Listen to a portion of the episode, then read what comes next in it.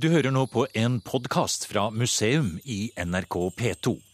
Opprinnelig var det musikk i dette programmet, men det har ikke NRK rettigheter til å podkaste. Så her kommer en redigert utgave uten musikk. Og programmet jeg har funnet fram som en ekstra sommerpodkast, er hentet fra museums første sesong, sommeren 2001. Vi skal til Bergen og besøke et komplett middelalderhospital med sovesaler, driftsbygninger og egen kirke. Midt i Bergen ligger St. Jørgens hospital med fredfulle, gamle trebygninger rundt et skiferlagt lite torv. Men det er ikke idyll det handler om når vi besøker det 500 år gamle hospitalet. Det skal handle om de spedalske i Norge. Spedalske? Det er noe vi finner i Asia og Afrika, og som misjonærene utrydder blant fattige hedninger. Eller kanskje ordet spedalsk betegner noe vi ikke liker, noe som skal utstøtes av samfunnet. Meninger, personer, avvikende holdninger. Noe vi forbinder med frykt, redsel og heslige bilder av vansirede mennesker. Tusenvis av fattige analfabeter i Norge var spedalske. Faktisk var det flere i Norge enn i noe annet land i Europa. Ursykdommen over alle andre sykdommer, i mangel av bedre ord kalt spedalskhet, var et norsk fenomen. Men det begynte for 500 år siden, ved byporten i Bergen. Mange føler jo nå når de kommer inn på denne gårdsplassen på St. Jørgens hospital i Bergen, at um, de kommer inn på en veldig fredet plett midt i byen. Men opprinnelig så har nok dette ligget et stykke utenfor selve bykjernen. Uh, det er første gang nevnt i, i, de skriftlige kildene i 1411 i to hanseatiske testamenter. Så det var hanseatiske kjøpmenn som testamenterte gaver til uh, pasientene her. Som i så mange andre europeiske byer så lå hospitalet i nærheten av byporten, men utenfor selve bykjernen. Og én ting har da vært eh, viktigheten av å ligge litt utenfor byen. Dels fordi eh, de syke, av, eh, av, flere grunner, som vi skal komme inn på, har eh, vært eh, noen man gjerne har skullet holde seg litt borte fra. Men eh, også sånn at man har kunnet drive gård her. For de aller fleste som har kommet reisende til Bergen fra sydsiden og passert byporten, så har vel St. Jørgens hospital vært et sted de har gjerne stoppet litt opp og De har også eh, helst skullet etterlate seg litt, eh, litt, penger i bøssen. Men for mange andre så har jo St. Jørgens hospital vært reisens mål. Og eh, i de bygningene vi skal inn i nå, så har mange tusen eh, spedalske vestlendinger enn sin liv.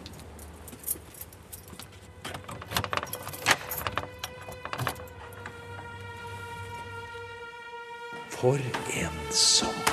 Dette er et eh, syn som setter oss eh, langt tilbake i tid, men likevel ikke. Vi står nå i den store hospitalsalen i, i hovedbygningen hvor flesteparten av pasientene har bodd. Her har det opprinnelig vært 40 pasientrom, som da grenser ut mot denne store hospitalsalen i midten, i to høyder. Det er galleri her. Og eh, hvert av disse rommene har vært dimensjonert for to pasienter. Men i perioder så har det bodd tre stykker på hvert rom. For det er, en, det er en stor sal vi ser på her nå, med et galleri som går langs den ene siden. Det er et stort vindu ut mot uh, hovedgata, der vi kan høre byens larm der ute ennå. Det er en lyssjakt oppover taket. Og dørene til rommene står åpent, og det faller solstriper inn over dette gamle gulvet. Men det var kanskje ikke så mange solstriper som falt inn i de livene til de som bodde inne på disse rommene. Nei, folk kan vel komme inn på, på St. Jørgens hospital og i dette rommet i dag uten å bli eh, overveldet av alle tragediene som, som sitter i veggene her.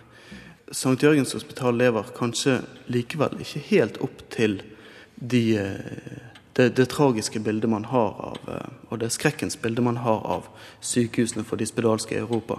Dette har vært en, en veldedig stiftelse der pasientene har betalt både for innleggelse og opphold, og de har kunnet bli utvist. Sånn at når sykdommen først var et faktum, så var nok en innleggelse på St. Jørgen likevel å regne som et privilegium. Og de aller sørgeligste historiene, fortellingene om den norske leperen, de vil man nok finne langs landeveiene blant de som ikke hadde noen pårørende eller noe lokalsamfunn som kunne bidra til en innleggelse. De som aldri kom hit til St. Jørgens hospital, ja. Her ser vi vi går innover i rommet. Gulvene er slitt av mange som har gått her. Det er ikke bare besøkende til museet som har gått her, men slik så det ut når det var Det, var, det er akkurat slik det var. Ja. Og eh, når, eh, når morgensolen eh, legger striper inn over disse gamle gamle gulvene, så, så ser vi, som du, som du, sier også, kvistene som, som, stikker opp. Og her har utallige mennesker hatt sitt eh, dagligliv, og rommet er i midten. Og så har det tjent som både eh, oppholdsrom og arbeidsstue og matsal for eh, ja, vel, vel 100, 100, mennesker i, i, perioder. Hver morgen klokken seks har tjenestepikene stått opp og fyrt i de store etasjeovnene som eh, har stått her ved skorsteinene og eh, hospitalet har våknet til, til liv. I 500 år har de spedalske ved St. Jørgens hospital møtt en ny dag. Bygningene slik de står i dag, er fra 1700-tallet. Men daglig leder Sigurd Sandemo forteller at stiftelsen går i ubrutt linje tilbake til 1545, da Nonneseter kloster ble nedlagt. Inntektene fra alle eiendommene til Selje kloster i Nordfjord var ikke nok til å drive hospitalet. Man var avhengig av gaver og et eget gårdsbruk på stedet. Og helt fram til 1891 solgte leprapasientene varene sine på Torvet i Bergen. For mange som kommer på, på Lepramuseet, så er det en overraskelse at, å høre at man i norsk sammenheng har vært så veldig lite opptatt av smittefaren ved lepra og at eh, man i utallige tilfeller ser at norske spedalsker har levd vel integrert i sine små samfunn. De har vært gift, og de har hatt barn, og de har vært ressurspersoner i lokalmiljøet, selv om eh, det har vært snakket om at de, de hadde en hånd i spitalen. For det er nettopp der vi finner faktisk eh, opprinnelsen til ordet spedalskhet også. Hospital. Ja, og uh, dette skandinaviske ordet for, uh, for, lepra, som vi bruker, spedalskhet, er avledet av ordet hospital. Og alle de første hospitalene i Skandinavia var knyttet til spedalskhet. Så uh, spedalskhet betyr rett og slett hospitalsyke. Lyd av skritt i St. Jørgens hospital, fram og tilbake. Kanskje hvileløse, kanskje målrettede. Hvordan var livet her for de som var pasienter her? På mange måter så tror jeg at man eh, kan forestille seg at dette har vært et um, lite samfunn. Det har vært en, en, del av den gamle byen, men det har også vært uh, noe annet. Og på hospitalet her så har mange levd mange år av sitt liv. Og de har knyttet andre bånd enn de de hadde før. Denne gruppen som vi snakker om Eh, som spedalske, som, som et uh, historisk begrep. Det er veldig vanskelig å knytte det direkte til lepra. Også de som har vært lagt inn på St. Jørgen, de har nok i stor grad hatt andre hudsykdommer. De har hatt skabb, og de har hatt psoriasis, og de har hatt uh, herpes, og de har hatt syfilis. Og de har hatt lepra. Men det vi vet sikkert, er at lepraproblemet hadde en ny oppblomstring i Norge etter at det var over i eh, de fleste andre europeiske land. Og på Vestlandet, i kystområdene mellom Stavanger og Trondheim, så har man altså en kraftig vekst i, eh, og en kraftig eh, oppblomstring av problemet fra, fra tidlig 1800-tall og, og, utover. Hvordan kan det ha seg at det var her, på Vestlandet, mellom byene på Vestlandet, man fant den sterkeste konsentrasjonen av leprapasienter i hele Europa på 1850-tallet? Ja, det er, ikke, det er, ikke, noe spørsmål som lar seg besvare i en håndvending. Det som fortelles fra Lepramuseet, er en norsk fattigdomshistorie. Lepra har alltid vært et fattigdomsproblem og en fattigmannssykdom. Den typiske pasient som ble innlagt på St. Jørgen i 18, tidlig 1800-tall, hadde aldri eid et par sko. Og det var ikke uvanlig at disse fattige fiskerbøndene hadde vokst opp uten, uten tilgang på en tørr seng og uten fottøy, og at de arbeidet barbeint hele vinteren gjennom ute. Her ser vi noen plansjer som henger inne i et av rommene her. Nå ser vi på Johan Ludvig Lostings portretter av pasienter som bodde her på disse rommene i 1840-årene. Losting illustrerte for Daniel Cornelius Danielsen, som var overlege her på St. Jørgen, og som regnes for å være den moderne lepraforskningens far. Etter Danielsen så ble det da mulig å stille sikre lepradiagnoser. Spedalsk er jo ellers et ord som ikke er i bruk i dag. I dag snakker vi om, om leprapasienter, eller om eh, aller helst a patient suffering from Hansens disease, eh, som da skal ta bort de siste moralske konnotasjonene som er knyttet til sykdommen. Og det er Armaver Hansen, selvfølgelig? Ja. Armaver Hansen, som var, var, lege i Bergen på slutten av 1800-tallet, oppdaget altså sykdommens årsak i Bergen i 1873. Leprabasil. Pga. forskning som ble gjort her på St. Jørgens hospital på de pasientene som bodde i disse rommene som vi står inne i her nå. Ja. Og um, fra 1850-årene uh, og utover så vokste det fram et veldig levende forskningsmiljø for lepra i, i Bergen. Et legekontor. Er selve, her er vi inne på legekontoret. Ja. Um, her kom pasienten og måtte sette seg ned her. Jeg får sette meg ned her, ja da. Ja. Her sitter vi ved legens bord. Et eh, stetoskop. Gammelt, men det er et stetoskop. Det er et eh, blekkhus med, med pennesplitt og det hele. Det var kanskje litt uh, alvorlig å komme inn her? Ja, det har, vært, det har vært alvorlig. Og det ser vi jo flere ganger i, i denne historien vi, vi, sitter midt oppi her. At um, forholdet mellom lege og pasient har utviklet seg veldig i den tiden som har gått. Allerede fra fra Danielsens tid så var jo legene her internasjonale berømtheter som eh, nøt stor anerkjennelse for sitt arbeid over hele verden. De fikk eh, bøkene sine oversatt til flere språk.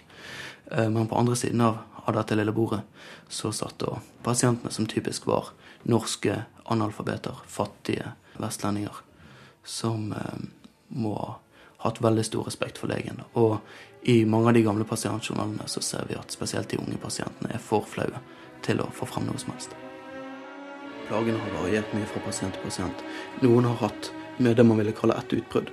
At man har fått en masse, eller noen få, knuter i et kortere tidsrom.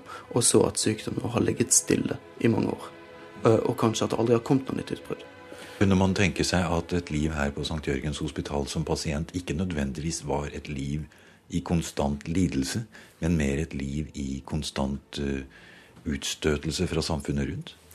Eh, det kunne man si, men man skal nok ikke undervurdere de fysiske lidelsene ved den knutete formen for lepra. For i en utbruddssituasjon så er den ekstremt smertefull. Og disse store knutene du ser her, de vil da også gå inn i alle kroppsåpninger. De vil gå nedover i svelget. Og en, eh, en dødsårsak faktisk er kvelning. Utover på 1800-tallet har man begynt å trakostomere pasientene, altså at man har stukket et hull i, i halsen, og at de har kunnet puste gjennom, gjennom, det. Men da har de jo samtidig mistet eh, stemmen. Men også eh, i andre kroppsåpninger så kommer disse store byllene inn, og de sprekker og etterlater seg store sår. Og den er ekstremt smertefull, og de har vært hardt plaget, de som har bodd her. Med den eh, glatte formen som vi har på, på andre mm. eh, siden her, så er sykdomsbildet egentlig et, et helt annet. Dette kalles eh, gjerne den godartete formen for lepra. Og når vi ser på bildene her, så vil vi si at det er et litt paradoksalt uttrykk. Men denne glatte formen er bare unntaksvis dødelig i seg sjøl. Den angriper i første rekke det perifere nervesystemet og gir som resultat en, en, del følelsesløse partier i huden. Typisk da på, på hender og føtter. Sånn at den klassiske lepropasient har gjerne store brannskader i hendene etter å ha skullet lage mat.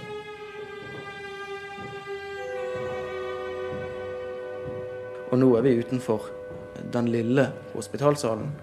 Og um, som er akkurat halvparten så stor som den. Kanskje vi skal gå inn i den, ja? Uh, den store.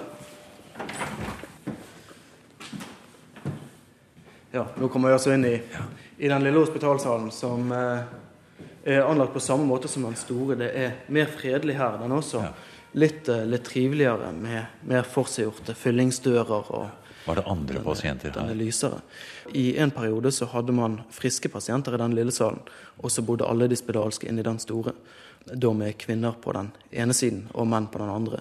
De spedalske hadde, hadde mange mytologier å slite med, også den ubendige trang til coitus, som det ble kalt. Har også vært noe som har hengt ved ved de spedalske, at de skulle ha en, hatt en spesielt uh, sterk kjønnsdrift også i, i det berømte dramaet om Tristan og Isolde, så eh, løftes dette tydelig frem som en, en straff verre enn døden å bli for en, for en ung og vakker jente å bli kastet til det spedalske.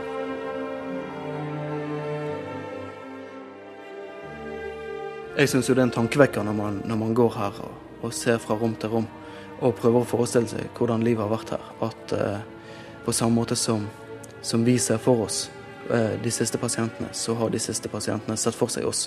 Og de har ligget i sengene sine og eh, prøvd å forestille seg hvordan det ville være når eh, museumsgjestene skulle komme.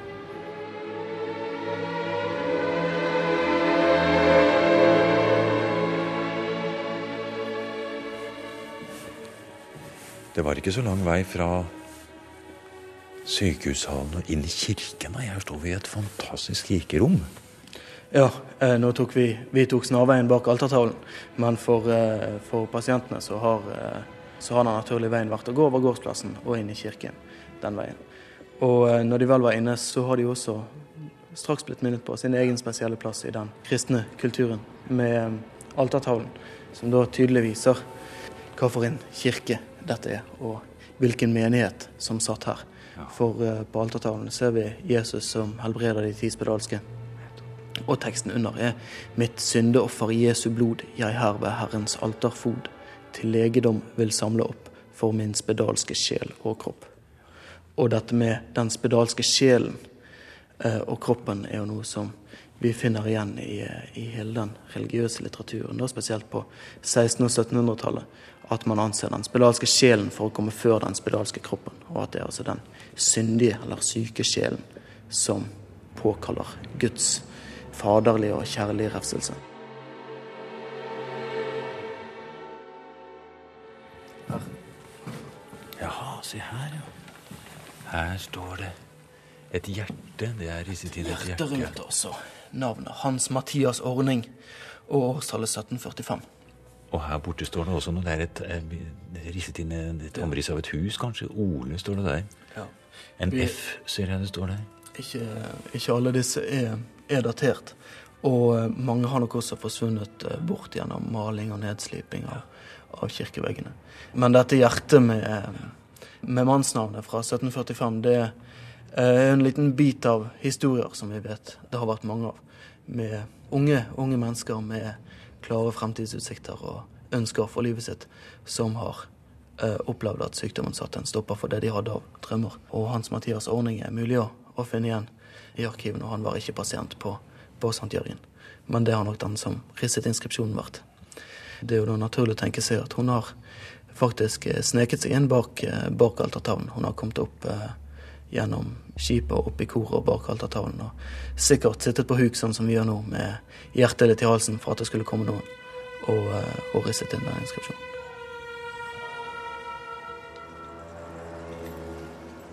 Du har nå hørt programmet Museum som podkast fra NRK. Museum sendes i NRK P2 på lørdager klokken 16 og søndag morgen klokken 8. E-postadressen er museum.krøllalfa.nrk.no. Og nå har museum også en side på Facebook.